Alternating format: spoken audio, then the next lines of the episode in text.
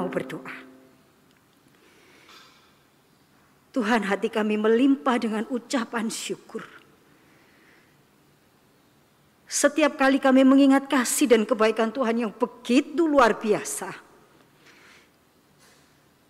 Dan pada pagi hari ini Tuhan, kami boleh bersama-sama beribadah dengan saudara-saudara seiman kami di tempat ini. Kami tahu tidak semua orang punya kesempatan yang sama. Tetapi kalau hari ini kami boleh mendapat anugerah itu, kami mau bersyukur kepadamu. Hari ini kami juga bersama-sama akan membaca dan merenungkan kebenaran firman Tuhan. Dengan penuh kerendahan hati kami memohon kepadamu ya Allah. Kiranya Allah roh kudus berkenan berbicara kepada setiap kami. Sehingga firman yang akan kami dengarkan boleh menolong kami. Semakin mengasihi Tuhan semakin mencintai Tuhan dan menjadi anak-anak Tuhan yang hidup berkenan kepada Tuhan. Kami serahkan waktu pemberitaan firman ini ke dalam tangan Tuhan. Hanya di dalam nama Tuhan Yesus kami berdoa. Amin. Mari Bapak Ibu yang dikasih oleh Tuhan, saya mengajak kita untuk melihat satu bagian firman Tuhan di dalam Efesus. Surat Efesus pasal yang keempat kita akan membaca ayat yang pertama sampai dengan ayat yang keempat. Efesus 4 ayat yang pertama sampai dengan ayat yang keempat, tetapi yang akan menjadi perhatian bagi kita semua adalah ayat yang keempat. Saya akan membacakan untuk kita semua demikian bunyi firman Tuhan. Sebab itu aku menasihatkan kamu, aku yaitu Paulus, orang yang dipenjarakan karena Tuhan, supaya hidupmu sebagai orang yang telah dipanggil berpadanan dengan panggilan ini. Hendaklah kamu selalu rendah hati, lemah lembut, sabar. Tunjukkanlah kasihmu dalam segala hal, dalam hal saling membantu dan berusaha memelihara kesatuan roh oleh ikatan damai sejahtera, satu tubuh dan satu roh. Sebagaimana kamu telah dipanggil kepada satu pengharapan yang terkandung di dalam panggilanmu. Saya akan mengulang ayat yang keempat. Satu tubuh, satu roh, sebagaimana kamu telah dipanggil kepada satu pengharapan yang terkandung di dalam panggilanmu. Bapak Ibu yang dikasih oleh Tuhan, satu ketika seorang anak laki-laki kurus, kering, dan kelaparan ditemukan di sebuah Eh, di pinggir jalan di sebuah kota. Dalam keadaan lapar dan uh, kurus kering, anak ini dibawa ke rumah sakit. Kemudian anak ini dimandikan, dibaringkan di atas tempat tidur, dan kemudian suster datang dengan membawa roti dan segelas besar susu. Ketika anak ini melihat suster itu masuk ke dalam kamarnya, membawa roti dan segelas susu. Matanya langsung berbinar-binar. Kemudian suster berkata, kamu boleh makan ini. Kemudian sang anak ini mengambil gelas itu, melihat dengan ragu-ragu, lalu menoleh kepada sang suster dan bertanya, apakah semua susu ini boleh untukku dan kuhabiskan? Sebuah pertanyaan yang sangat mengharukan. Sesungguhnya Bapak Ibu yang dikasih oleh Tuhan, banyak sekali orang Kristen yang hidup dengan pola pikir seperti anak ini. Dia tidak tahu bahwa di dalam hidupnya sebagai orang yang sudah ditebus dan diselamatkan oleh Allah. Punya banyak hal yang bisa kita miliki dan kita nikmati sebagai orang-orang percaya. Rasul Paulus di dalam kitab Efesus mengajarkan kepada kita kekayaan yang harusnya boleh kita miliki dan kita nikmati ketika kita ini dipanggil dan disebut sebagai anak-anak Allah. Dan salah satu bagian yang Rasul Paulus ingatkan adalah bahwa orang percaya itu punya kekayaan di dalam Kristus berupa sebuah pengharapan bahwa orang-orang percaya itu selalu memiliki pengharapan di dalam Kristus. Apa itu pengharapan? Kita mungkin sering sekali mengucapkan kata harapan atau pengharapan. Ketika di masa pandemi ini berulang-ulang kita berharap pandemi ini berakhir. Berulang-ulang kita berharap bisa kembali beribadah di gereja dengan bebas. Berulang-ulang kita mengatakan harapan kita. Apa itu harapan? Harapan adalah pengharapan merupakan salah satu sumber motivasi manusia untuk melakukan sesuatu. Sumber motivasi manusia untuk melakukan sesuatu. Motivasi itu menggerakkan seseorang untuk mencapai sesuatu. Pengharapan memberikan semangat untuk bergerak ke depan Ketika kita punya pengharapan, maka kita akan bergerak maju untuk menggapai harapan itu. Seorang penulis bernama Dr. W.A. Criswell mengatakan, kepemilikan yang paling berharga dan paling bernilai di dalam hati manusia atau di dalam hidup manusia adalah bahwa kita ini masih memiliki harapan. Kepemilikan yang paling berharga dan bernilai di dalam hati manusia dan di dalam hidup manusia adalah bahwa kita ini masih memiliki pengharapan. Tetapi semuanya menjadi binasa dan seluruh bumi dipenuhi dengan kegelapan dan keputusasaan. Ketika pengharapan itu sudah lenyap. Bapak Ibu yang dikasih oleh Tuhan dalam sebuah penelitian tentang perilaku yang dikaitkan dengan pengharapan, para ilmuwan melakukan penelitian dengan tikus sebagai objeknya. Tikus-tikus ini dimasukkan ke dalam tangki yang penuh dengan air. Ditunggu kira-kira berapa lama waktu maksimal yang mereka miliki untuk bisa bertahan hidup sebelum tenggelam.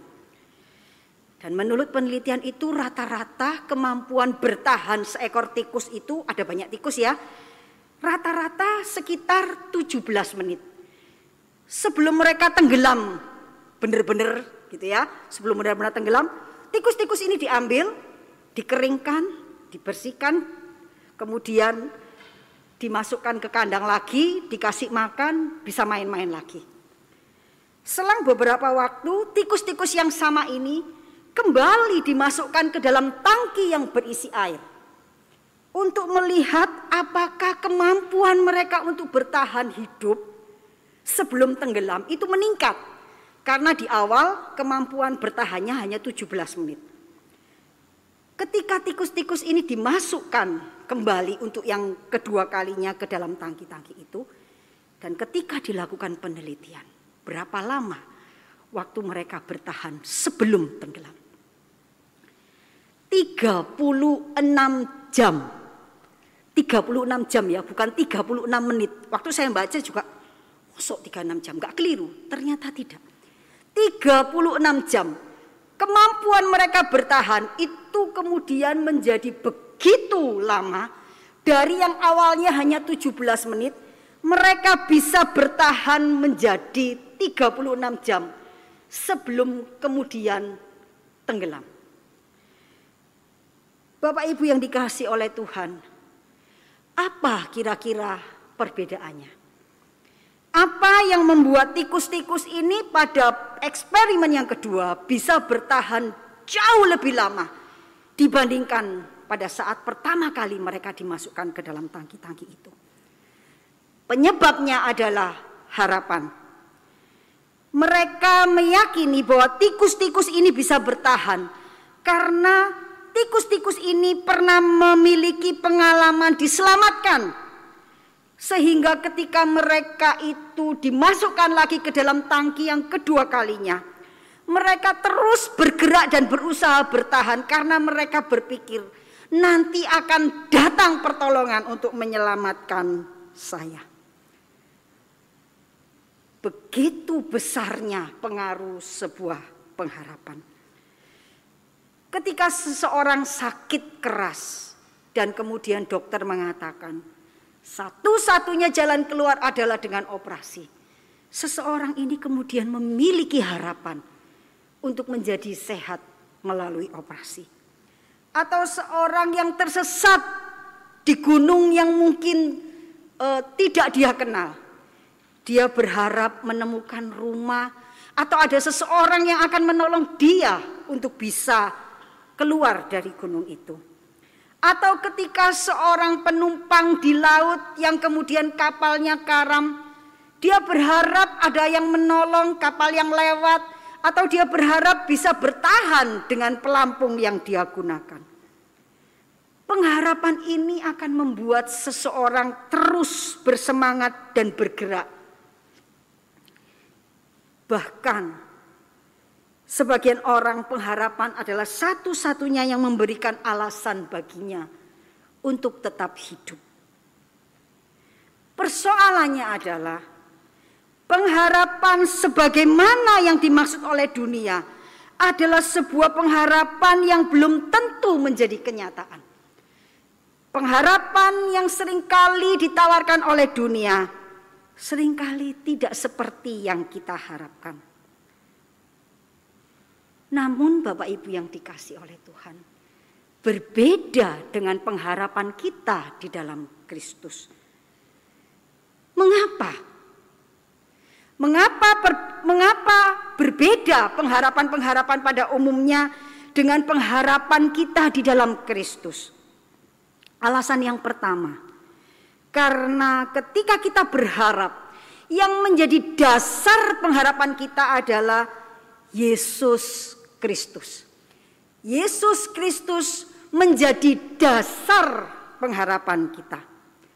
Di dalam 1 Timotius 1 ayat 1 dikatakan dari Paulus Rasul Kristus Yesus menurut perintah Allah juru selamat kita dan Kristus Yesus dasar pengharapan kita. Semua orang, kita semua perlu memiliki pengharapan yang mendorong kita tetap bergerak maju, yang mendorong kita tetap bertahan hidup. Tetapi pertanyaannya, di mana kita meletakkan pengharapan kita? Memiliki harapan itu penting, tetapi yang lebih penting kita tahu bahwa saya meletakkan harapan saya itu pada dasar yang tepat. Apakah saya meletakkan harapan saya kepada Allah yang hidup di dalam Yesus Kristus? Ataukah saya lebih banyak meletakkan harapan saya kepada orang lain atau bahkan kepada diri saya sendiri? Bapak Ibu yang dikasih oleh Tuhan, sebagai anak-anak Allah, sebagai orang-orang percaya, hendaklah kita meletakkan pengharapan kita kepada Kristus. Firman Tuhan yang barusan saya baca di dalam 1 Timotius 1 itu mengatakan bahwa Yesus adalah dasar pengharapan kita. Yang sulit itu bukan kita punya pengharapan atau tidak. Tetapi yang sulit adalah membangun dasar dan keyakinan bahwa saya itu bisa berharap sepenuhnya kepada Kristus. Memiliki pengharapan mungkin tidak sulit. Tetapi meyakini bahwa harapanku ini kuletakkan kepada Kristus dan aku percaya bahwa Yesus adalah pengharapan yang bisa diandalkan. Bapak Ibu yang dikasih oleh Tuhan, jika kita menaruh pengharapan kita kepada Kristus, kita perlu mengenal Kristus dengan segala janji-janji dalam firman-Nya. Karena kita hanya dapat mengharapkan sesuatu yang Kristus janjikan dan anugerahkan kepada kita. Bagaimana mungkin kita mengatakan dasar pengharapan kita adalah Kristus, sementara kita tidak tahu apa yang Alkitab katakan tentang pengharapan di dalam Kristus. Dasar dari semua pengharapan kita sebagai orang percaya adalah mengenal Kristus dengan segala firman-Nya. Jadi Bapak Ibu yang dikasih oleh Tuhan, Kalau kita ini mau meletakkan segala pengharapan kita di dalam Kristus, maka kita perlu mengenal Kristus secara pribadi dengan segala janji-janjinya, dengan segala firman-Nya yang menolong kita untuk tahu saya bisa berharap kepada Kristus. Bapak Ibu yang dikasih oleh Tuhan, kalau saya di dalam kesulitan, saya berharap orang yang menolong saya si A, orang yang menolong saya. Maka ketika saya berharap kepada orang itu, pasti ditanya, kenapa kamu berharap kepada si A? Oh ya, karena saya itu kenal si A. Dia seorang yang baik, dia seorang yang mengasihi saya, dia seorang yang uh, bertanggung jawab ketika berjanji. Dia orang yang setia, dia seorang yang tidak ingkar janji. Karena itu saya berharap kepada dia untuk menolong saya. Tidak mungkin kita berharap kepada seseorang yang kita tidak kenal, yang kita tidak tahu sifatnya, yang kita tidak tahu keberadaannya. Bapak Ibu yang dikasih oleh Tuhan, ketika dikatakan kita harus meletakkan dasar pengharapan kita kepada Kristus, maka kita perlu mengenal Kristus dengan segala firman-Nya. Kita perlu mengenal Kristus dengan karya keselamatan yang dilakukannya. Kita perlu mengenal Kristus harus mengenal Kristus dengan segala pengajarannya. Mengenal Kristus dengan segala janji-janjinya. Maka dengan mengenal Kristus dengan segala kasih dan kebaikannya. Akan menolong kita untuk memiliki pengharapan yang benar di dalam dia. Bapak Ibu yang dikasih oleh Tuhan. Pengenalan yang benar akan Kristus akan menolong kita menemukan pribadi yang kepadanya kita bisa meyakini untuk menyerahkan pengharapan-pengharapan kita. Karena Kristus adalah pribadi yang mengasihi kita. Dia bisa dipercaya, dia setia pada janjinya. Kasihnya tidak diragukan lagi. Sudah dibuktikan. Dia mati di atas kayu salib untuk menggantikan seluruh hukuman dosa kita. Kesetiaannya dalam mengerjakan dan menyelesaikan karya keselamatan sudah terbukti. Dia turun dari surga, dia meninggalkan kealahannya, menjadi manusia, bahkan menjadi manusia sebagai hamba yang mati di atas kayu salib. Kesetiaan dan kasihnya tidak diragukan lagi. Bapak Ibu yang dikasih oleh Tuhan, ketika kita berharap pada manusia, atau pada kekayaan, kepada kekuatan kita, kepada jabatan kita, maka pengharapan itu akan menjadi pengharapan yang mengecewakan. Satu-satunya pengharapan yang tidak mengecewakan adalah berharap kepada Tuhan. Dasar pengharapan kita adalah kepada Tuhan. Sebab apa pun yang terjadi di dalam hidup kita, kita meyakini bahwa rancangan Tuhan adalah rancangan damai sejahtera. Yang ngomong bukan saya. Tetapi Allah di dalam firman-Nya mengatakan, sesungguhnya rancanganku untukmu adalah rancangan damai sejahtera.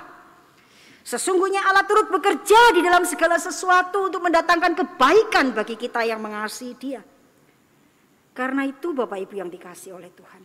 Kita perlu mengenal Kristus dengan segala firman-Nya.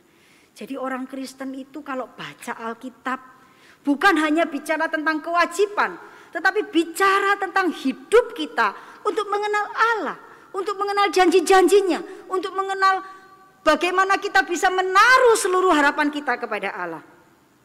Jadi membaca firman Tuhan itu adalah sesuatu yang gak boleh kita skip dalam hidup kita. Sesuatu yang harus kita lakukan. Sesuatu yang harus kita kerjakan. Untuk mengetahui, untuk mengenal Kristus supaya kita bisa meletakkan harapan kita kepadanya. Ibrani 10 ayat 23 mengatakan, marilah kita teguh berpegang pada pengakuan tentang pengharapan kita. Sebab ia yang menjanjikan setia.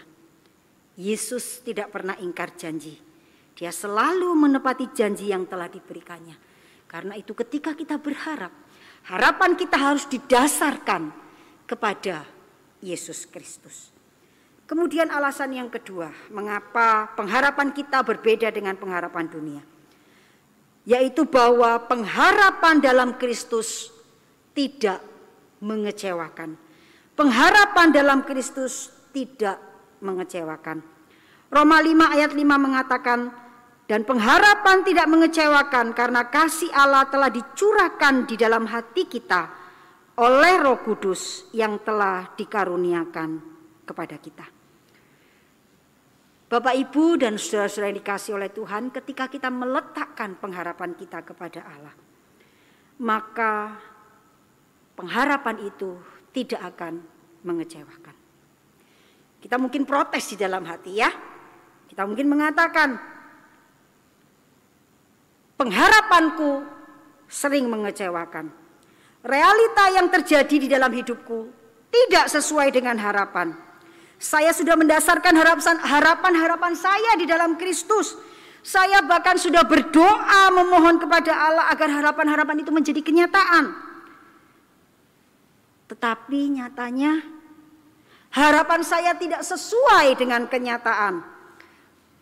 Realita yang saya hadapi tidak sesuai dengan harapan saya. Bapak, Ibu, dan saudara-saudara yang dikasih oleh Tuhan, jika hal itu terjadi di dalam hidup kita, maka kita perlu datang kepada Tuhan dengan penuh kerendahan hati sambil merenungkan dan menilik keberadaan kita. Jika itu yang terjadi dalam hidup kita ada dua kemungkinan. Yang pertama, harapan-harapan yang kita bangun di dalam hidup kita itu tidak sesuai dengan janji-janji Allah. Ketika kita berharap sesuatu, Ketika kita membangun harapan-harapan kita yang menurut kita kita letakkan di dalam Kristus, yang dasarnya Kristus, kemungkinan harapan-harapan yang kita bangun itu tidak sesuai dengan janji-janji Allah. Contohnya,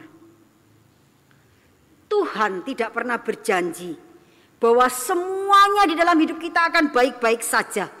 Ya, kalau kita lihat lagu di PPR itu ada pujian yang mengatakan Tuhan tak janji langit biru, bunganan harum di jalan.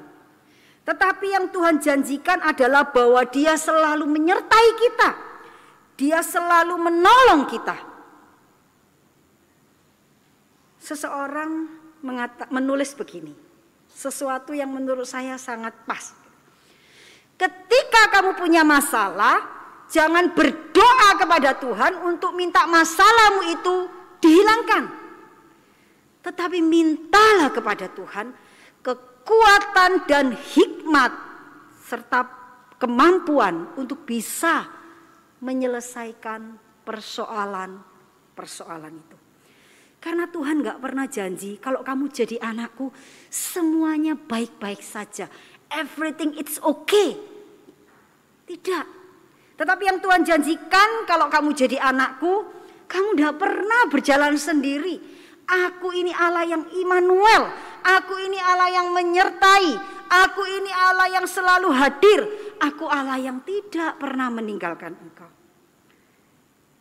Bapak Ibu yang dikasih oleh Tuhan. Tuhan juga nggak pernah janji kalau kamu jadi anakku hidupmu penuh berkat, selalu sukses, nggak sakit, nggak susah, nggak sulit, nggak. Tuhan nggak pernah berjanji demikian. Tetapi yang Tuhan janjikan adalah ketika engkau menjadi anakku, aku akan memberkati, aku akan memelihara, aku akan memberikan apa yang kamu butuhkan sesuai dengan kasih dan hikmat Allah. Bapak Ibu yang dikasih oleh Tuhan, orang percaya tidak kebal terhadap segala keadaan yang sulit. Ketika terjadi pandemi, semua orang kena, orang percaya juga mengalami. Kita juga mengalami kesulitan, kita mungkin kehilangan banyak hal kita mungkin mengalami keadaan di mana usaha kita menjadi sulit. Kita juga mengalami di mana segala sesuatu menjadi begitu terbatas. Termasuk gereja Tuhan pada awal-awal pandemi juga nggak bisa beribadah. Tetapi apakah kemudian kita kehilangan pengharapan kita? Tidak. Karena sesungguhnya Tuhan tidak pernah berjanji bahwa everything it's okay. Tetapi yang Tuhan janjikan kalaupun kamu lewat lembah kekelaman, Aku ada di sana. Ketika kamu harus melewati lembah yang terjal, aku ada di sana. Ketika kamu harus mengalami sakit penyakit, aku bersama-sama dengan engkau. Itulah yang Tuhan janjikan. Bapak Ibu yang dikasih oleh Tuhan, ketika kita membangun harapan-harapan kita, kita perlu sungguh-sungguh belajar bahwa apakah pengharapan kita itu sungguh-sungguh sesuai dengan janji dan firman Allah. Kemudian kemungkinan yang kedua, kalau harapan kita itu tidak sesuai dengan kenyataan. Ketika kita mengharapkan sesuatu dan harapan itu tidak seperti realitasnya tidak seperti harapan kita. Maka kita harus melihat dan meyakini bahwa di dalam hikmat dan kebaikan Allah Allah itu memberikan segala sesuatu yang jauh lebih baik dari harapan kita. Bapak Ibu yang dikasih oleh Tuhan di dalam keterbatasan kita. Kadang-kadang kita melihat atau menginginkan sesuatu sesuai dengan ukuran kita. Namun di dalam kasih Allah, di dalam hikmat Allah, di dalam kemurahan Allah, ia memberikan dan menyediakan segala sesuatu yang kita butuhkan menurut hikmatnya dan percayalah apa yang Tuhan berikan itu jauh lebih baik dari apa yang bisa kita harapkan. Kebanyakan kita merasa kecewa karena apa yang terjadi tidak sesuai dengan harapan kita. Tapi percayalah, dia memenuhi harapan kita dengan segala sesuatu yang lebih baik. Dia tidak pernah salah. Pengharapan dalam Kristus tidak pernah mengecewakan. Bapak Ibu yang dikasih oleh Tuhan, saya punya banyak sekali pengalaman Ketika saya mengharapkan sesuatu, saya doakan, saya gumulkan dengan sungguh-sungguh, saya siapkan sungguh-sungguh segala sesuatunya. Tetapi kemudian sepertinya semua itu dibongkar total oleh Tuhan. Kecewa enggak? Kecewa. Tapi saya selalu mengatakan, Tuhan itu akan menyediakan yang jauh lebih baik. Dalam banyak kejadian hidup saya, hidup keluarga saya, saya melihat betapa sering kali apa yang saya harapkan, saya doakan, saya siapkan bongkar total sama Tuhan. Lalu Tuhan mengatakan, ini loh, tak kasih yang lebih baik. Tak kasih yang lebih melebihi apa yang menjadi ekspektasimu. Ketika mengalami itu kecewa enggak? Kecewa. Tapi saya selalu mengatakan kepada keluarga, kepada anak-anak saya dan juga kepada diri saya sendiri. Juga kepada Tuhan saya katakan, Tuhan aku percaya bahwa rancanganmu akan jauh lebih baik dari harapanku. Tuhan akan menyediakan segala sesuatu lebih baik dari yang dapat aku harapkan. Karena itu Bapak Ibu yang dikasih oleh Tuhan hari ini, apa pun kesulitan yang sedang terjadi dalam hidup kita, mungkin ada awan badai gelap sedang menutupi kehidupan keluarga kita. Saat ini pandemi mungkin masih mengganggu aktivitas kita. Kita merasakan siang menjadi seperti malam, dan kita merasakan malam sepertinya tidak ada cahaya. Apa pun yang sedang kita alami hari ini, mari kita membangun harapan kita di dalam Kristus. Seperti nasihat Mazmur di dalam Mazmur 91 ayat 1 sampai 4 yang berbunyi demikian. Orang yang duduk dalam lindungan yang maha tinggi dan bermalam dalam naungan maha kuasa akan berkata kepada Tuhan, tempat perlindunganku dan kubu pertahananku, Allahku yang kupercayai. Sungguh, dialah yang akan melepaskan engkau dari jerat penangkap burung, dari penyakit sampar yang busuk, dengan kepaknya ia akan melindungi engkau di bawah sayapnya. Engkau akan berlindung, kesetiaannya ialah perisai dan pagar tembok. Jemaat yang dikasih oleh Tuhan. Di masa pandemi ini kita mungkin sering kehilangan harapan. Di masa pandemi ini kita merasa bahwa pengharapan itu menjadi sesuatu yang sangat sulit untuk digapai tetapi firman Tuhan pada hari ini mengingatkan kepada kita. Kasih dan pengharapan di dalam Kristus tidak bergantung pada musim hidup yang sedang kita alami. Kasih dan pengharapan di dalam Allah tidak dipengaruhi oleh keadaan di sekitar kita. Kasih dan pengharapan di dalam Allah akan dapat terus kita pegang di dalam situasi apa pun. Kalau hari ini mungkin pekerjaan kita, usaha kita, studi kita, pelayanan kita mengalami begitu banyak tantangan dan kesulitan. Tetapi marilah kita tetap melihat kepada Allah dan meyakini bahwa selalu ada harapan di dalam Tuhan. Karena itu Bapak Ibu yang dikasih oleh Tuhan, kita perlu hidup dekat dengan Tuhan. Kita perlu belajar kebenaran firman Tuhan. Kita perlu punya hubungan yang dekat dengan Allah untuk selalu mendapatkan kekuatan di dalam Dia, untuk dapat selalu menemukan harapan-harapan di dalam Kristus. Karena Dialah pagar tembok dan kekuatan kita. Dialah tempat kita bernaung. Dia tidak pernah meninggalkan kita. Dia bersama-sama dengan kita. Dia Allah yang Immanuel. Dia Allah yang mendatang merancangkan segala sesuatu yang baik. Ia Allah yang turut bekerja di dalam segala sesuatu. Bapak Ibu yang dikasih oleh Tuhan, ada masa-masa di mana ketika kita menghadapi, menghadapi kesulitan, ada masa-masa di mana ketika kesulitan itu menghantam kita, kita berharap ini menjadi lebih baik dengan cara ini. Kadang kita berdoa, Tuhan saya berharap ini menjadi seperti ini. Tetapi tidak jarang kita menemukan keadaan menjadi lebih sulit. Tidak jarang kita menghadapi kenyataan semua yang kita inginkan menjadi lebih baik itu seolah-olah musnah. Dalam situasi seperti itu, percayalah kepada hati Allah. Ketika kita tidak melihat jalan keluar, ketika kita melihat segala sesuatu menjadi begitu sulit, ketika kita melihat segala sesuatu sepertinya tidak ada harapan, maka percayalah kepada hati Allah.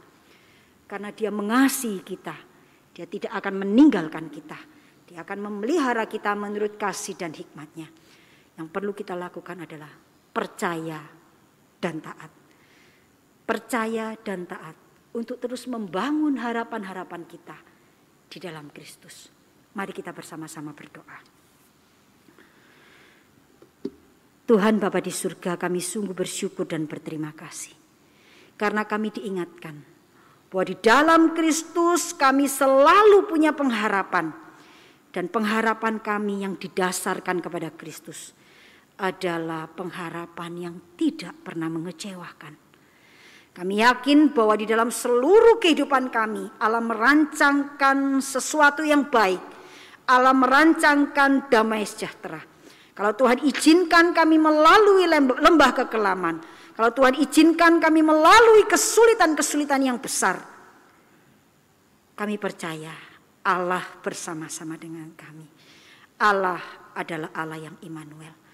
Biarlah firman Tuhan pada siang hari ini boleh mengingatkan dan menguatkan serta menghiburkan setiap kami. Terima kasih Bapak di surga. Hanya di dalam nama Tuhan Yesus kami sudah berdoa. Amin.